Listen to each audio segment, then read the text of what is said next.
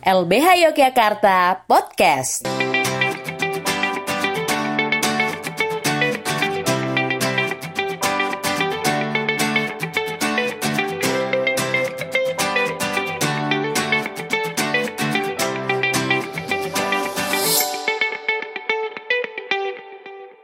Selamat sore Pak Budi, Mas Yogi, dan juga teman-teman semuanya. Sebelum ke kasus Bansos, yang pertama kami sangat apresiasi atas apa yang sudah dilakukan oleh teman-teman di LBH Yogyakarta dengan membuat kajian di tiga isu ini ya.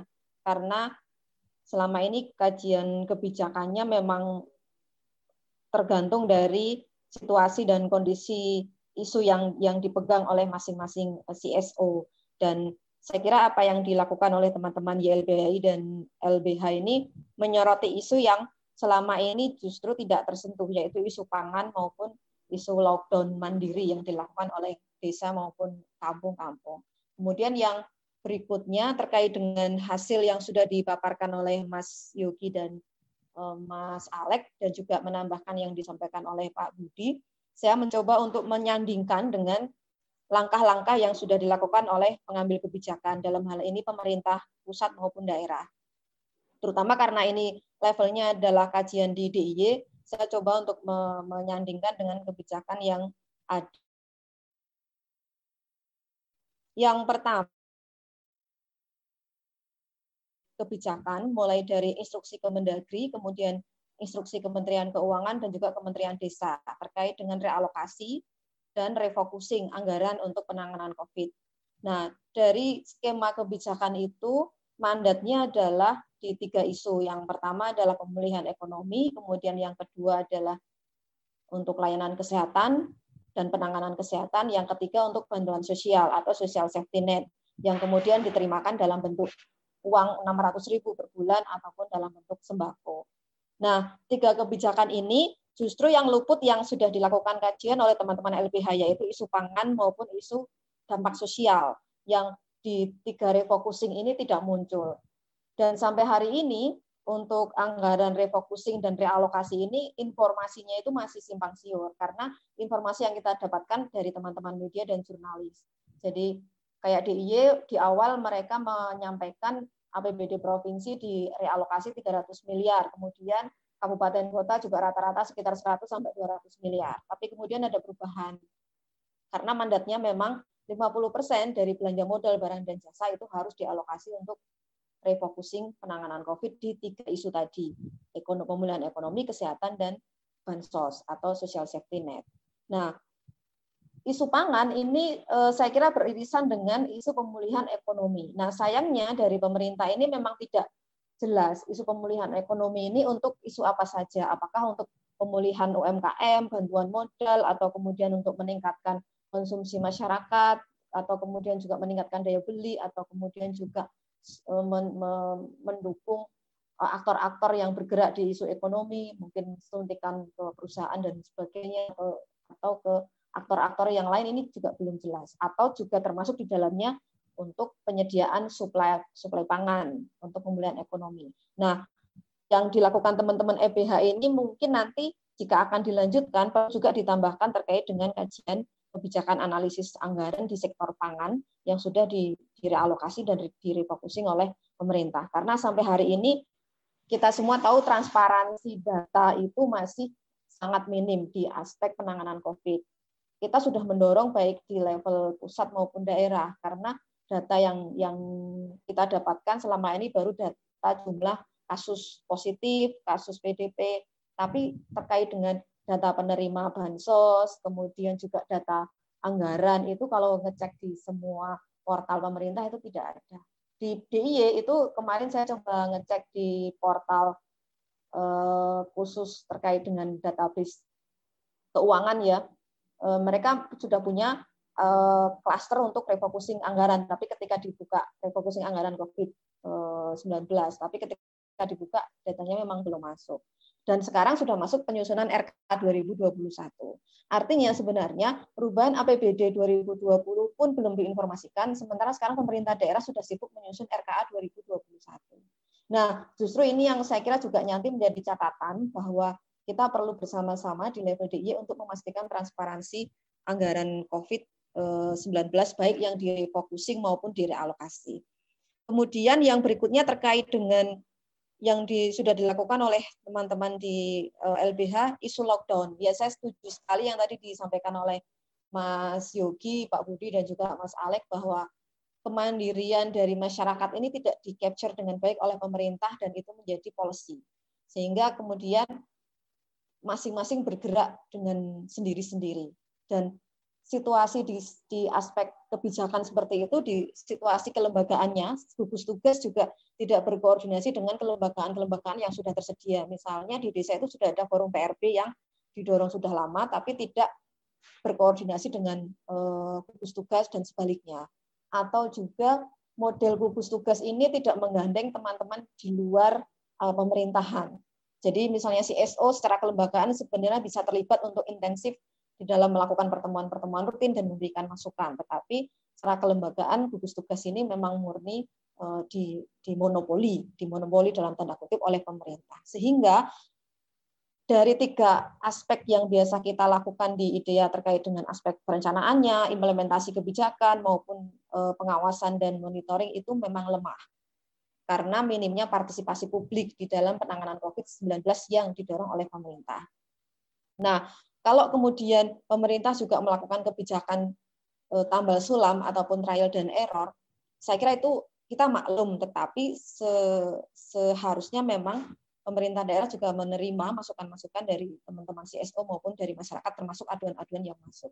Sehingga kebijakan itu meskipun trial and error, tapi dia komprehensif dan dia juga mampu menangkap situasi dan kondisi yang ada. Karena kalau COVID-19 ini kan memang ada dua hal yang harus direspon. Pertama, mitigasi krisis. Yang kedua adalah tahap pemulihan atau recovery. Nah, kalau bencana alam itu kan lebih mudah untuk melihat ini emergency dan ini tahap recovery. Misalnya emergency itu ketika semua bangunan runtuh, rusak, dan tidak ada akses, maka di situ tanggap darurat. Tapi kalau COVID ini kan ada situasi darurat, tapi di sisi yang lain juga masa pemulihan. Misalnya sekarang tanggap darurat eh, sampai 30 Juni 2020. Sementara studi ini juga dilakukan di bulan Maret sampai Mei dan itu tanggap darurat. Nah, setelah bulan Mei itu sebenarnya juga masa pemulihan pasca emergensi di bulan April dan Mei. Nah, ini juga berimplikasi kepada pelaksanaan kebijakan yang ditetapkan oleh pemerintah. Salah satunya adalah pelaksanaan anggaran. Karena kalau di situasi eh, darurat memang relaksasi anggaran itu bisa dilakukan. Misalnya belanja-belanja alat kesehatan, kemudian belanja untuk APD, belanja untuk eh, bansos itu bisa masuk belanja tidak terduga atau dia masuk nomenklatur anggaran BTT belanja tidak terduga. Tapi kalau dia sudah masuk di tahap pemulihan, dia sudah masuk sistem yang reguler dan ini juga harus diawasi dengan dengan baik oleh pengawas-pengawas di internal pemerintah maupun eh, di luar di luar pemerintah. Jadi meskipun ada relaksasi pelaksanaan anggaran, tapi audit BPK, BPKP itu tetap harus ketat. Sehingga ini juga menjadi peluang adanya penyimpangan-penyimpangan pelaksanaan kebijakan anggaran penanganan COVID. Yang di dalamnya saya yakin ada untuk penanganan pangan, situasi lockdown, karena lockdown itu tiba-tiba tiap dusun itu diberi 10 juta, 20 juta. Akhirnya ada yang dipakai untuk beli bikin portal, ada yang dipakai untuk bikin panggung, dan di situ masing-masing warga standby untuk menjaga pintu. Nah, padahal panggungnya itu juga berpotensi untuk kerumunan massa. Jadi yang penting mereka dikasih anggaran sekian puluh juta, silahkan mau dipakai lockdown, mau dibikin portal, mau dibikin posko di tiap dusun, itu terserah. Nah, itu kan juga minim pengawasan. Nah, oleh karena itu saya kira memang untuk melihat kajian kebijakan yang yang lebih utuh, me, me, mengkombinasikan dengan kebijakan-kebijakan yang sudah di, desain dan juga sudah dilakukan oleh pemerintah. Karena sampai hari ini kita juga tidak tahu sebenarnya alokasi anggaran yang sudah direfocusing dan di, di dan kemudian juga dilaksanakan itu capaiannya seperti apa. Kan kita ngomongin input, proses, dan output. Pemerintah waktu itu di awal dana pusat 71 triliun, kemudian naik menjadi berapa? Mungkin sekarang sekitar 100 triliun. Di daerah juga begitu. Awalnya hanya sekitar 20 miliar, tapi kemudian naik menjadi 300 miliar. Nah, itu kalau dari sisi input untuk pencegahan kesehatan, apakah kemudian itu juga mengurangi jumlah kasus. Jadi outputnya apakah dengan input anggaran yang besar, output hasilnya itu juga sesuai dengan yang kita harapkan. Kemudian juga untuk penyediaan layanan kesehatan, apakah dengan realokasi anggaran yang cukup besar untuk penanganan kesehatan ini berimplikasi kepada layanan kesehatan. Padahal dari temuan yang dilakukan kajian di teman-teman LBH ini banyak kasus-kasus layanan kesehatan yang tidak memuaskan. Kemudian juga eh, sekarang rapid test harus berbayar ada yang 400 500 ribu. Nah, informasi-informasi ini kan kemudian menjadi eh, apa ya kalau bahasa Jawa itu perindil-perindil tidak utuh sehingga kemudian masyarakat mencari informasi sendiri dan bergerak sendiri. Kemudian eh, yang terkait juga dengan eh, bansos. Nah, bansos ini juga banyak kasus baik dari sisi pemerintah maupun dari sisi masyarakat yang masih bingung. Pemerintah desa misalnya ada di, kalau desa yang dia sudah cerdas dan pintar bagaimana melakukan updating data, siapa yang harus menerima, siapa yang tidak berhak menerima, dia akan dengan mudah melakukan eh, perubahan-perubahan data dan verifikasi validasi data. Tapi kalau desa yang dia hanya nerimo dan dia eh, ya bisnis as usual, maka mereka juga akan gagap ketika melakukan perubahan-perubahan eh, refocusing anggaran dana desa misalnya. Sehingga ada kasus juga sampai gaji RT-nya dipakai untuk menalangi dana bansos dan sebagainya. Nah, yang hal seperti ini juga saya kira perlu menjadi catatan ke depan bagaimana memastikan monitoring pelaksanaan kebijakan COVID ini eh, isunya memang harus saling terkait dan dia memang cross cutting isu. Kemudian yang yang berikutnya juga terkait dengan penyimpangan pelaksanaan kebijakan. Eh, kita juga sedang melakukan monitoring pengadaan barang dan jasa untuk layanan eh, COVID, misalnya alat kesehatan itu juga ada modus modus eh, penyimpangan belanja alat kesehatan karena sebenarnya panduan untuk pengadaan barang dan jasa itu sudah ada meskipun relaksasi tapi tetap harus mengikuti panduan itu tetapi ada pelanggaran. Nanti kita sedang melakukan investigasi kasus itu. Kemudian yang kedua penyimpangan dana bansos ini saya kira di ombudsman tadi disampaikan oleh Pak Budi juga banyak kasusnya yang masuk di di dia ini juga memang belum banyak, tapi yang kita catat adalah yang sudah terverifikasi dan tervalidasi. Misalnya kasus perempuan kepala keluarga, dia hanya menerima 300 ribu, yang separuhnya nanti diberikan ke RT atau kepada petugas yang lain. Dan ini menjadi kesepakatan bersama bahwa memang kemudian itu dipotong. Dan itu kejadiannya tidak hanya di satu kabupaten, di beberapa kabupaten di DIY situasinya sama dari laporan-laporan yang sudah masuk maupun dari Eh, cerita-cerita FGD kecil yang sudah kita lakukan. Misalnya dia memang benar-benar miskin, perempuan kepala keluarga, warga tidak mampu, dia ngasih 100 ribu ke Pak RT, kemudian 100 ribu nanti ke petugas lapangan, 100 ribu lagi nanti ke yang mengambilkan dan sebagainya. Dan itu banyak. Di sisi yang lain juga ada kasus eh, yang banyak juga exclusion dan inclusion error. Jadi yang berhak menerima tapi dia tidak dapat atau sebaliknya yang dia seharusnya tidak berhak tapi dia dapat. Nah, ada juga kasus eh, teman-teman di penyandang disabilitas, dia mampu tapi dia pasti dapat. Dan dia menerima menerima bansos tersebut. Tapi dia sebenarnya merasa tidak membutuhkan karena dia mampu. Nah, itu juga ada skemanya, dia mengembalikan tapi diterima dulu. Nah, situasi-situasi seperti ini memang kita secara Eh, masyarakat sipil itu memang belum mengumpulkan data-data yang terserah, kemudian kita olah dan kita analisis dan kemudian kita berikan review dan policy eh, brief kebijakan kepada pemerintah daerah. Nah, saya kira apa yang dilakukan LBH ini sangat sangat bagus dan sangat penting nanti untuk memberikan kontribusi perbaikan kebijakan di, di level DIY dan nanti bisa eh, kita saling melengkapi.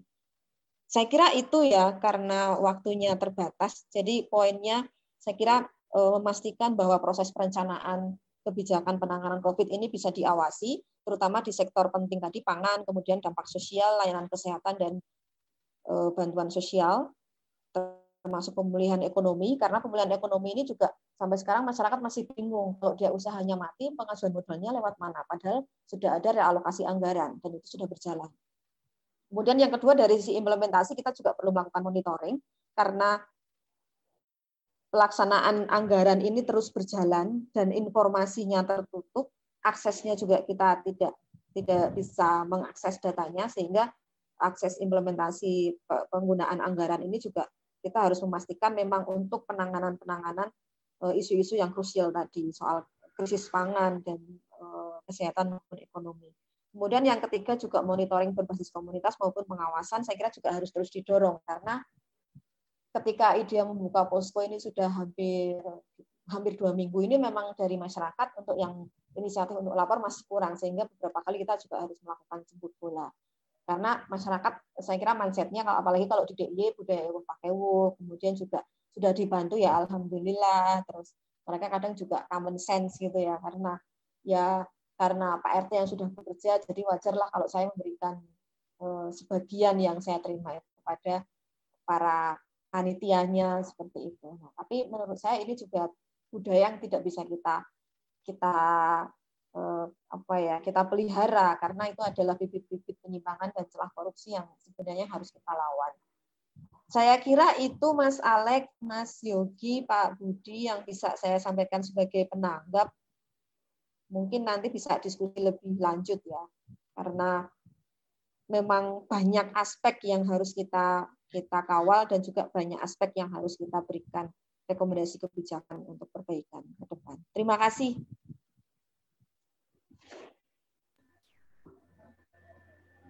Terima kasih banyak Mbak Tenti atas eh, poin-poin tanggapan dan masukannya terhadap uh, yang kami lakukan menuliskan uh, kajian ini dari uh, beberapa ini rekomendasi juga terkait uh, apa namanya penanganan COVID-19 di Yogyakarta ke depannya yang tentu secara substansi barusan semua pihak pada itu harus kemudian bekerja sama untuk mengawasi bersama-sama terhadap semua multi aspek isu ya karena isunya sangat banyak sekali yang kemudian uh, mau nggak mau apa pun kebijakannya gitu ya uh, kita harus mengawal hal itu uh, yang pada ujungnya itu untuk menekan dan melawan ganasnya penyebaran pandemi COVID-19 gitu. Nah sudah masuk di penghubung penghujung acara begitu ya. Mungkin uh, saya akan update begitu bagi teman-teman yang ingin kemudian uh, mendownload begitu hasil kajian yang sudah kami tulis uh, teman-teman uh, nanti tinggal uh, searching di uh, website lbhjogjakarta.org begitu nanti di situ akan ada uh, link tersendiri untuk mengunduh uh, kajian ini begitu. Nah, uh, tak lupa pula juga uh, uh, sebagai sebagai sebagai ini ya sebagai harapan semoga uh, semua yang kemudian uh, positif lalu kemudian yang sudah meninggal lalu kemudian yang masih dirawat uh, mari kita doakan secara bersama-sama sebagai wujud solidaritas kita untuk uh, sesama sesama sesama ini sesama warga negara Indonesia agar uh, mereka semua ini yang baik yang sudah meninggal itu diberikan ketabahan uh, lalu kemudian yang masih sedang dirawat diberikan uh, kesembuhan yang yang yang, signifikan begitu. Nah, uh, mungkin uh, itu saja yang bisa kami yang bisa kami diskusikan gitu teman-teman. Uh, terima kasih uh, Mas Yogi, uh, terima kasih Pak Budi Masturi, dan terima kasih ke Mbak Tenti sudah berkontribusi dan sudah bersedia menjadi penanggap dan pemapar di acara diskusi publik kali ini. Dari saya sebagai moderator sekaligus pemapar, uh, jika ada salah kata-kata, saya mohon maaf sebanyak-banyaknya. Akhir kata, Uh, wassalamualaikum warahmatullahi wabarakatuh. ya Mbak.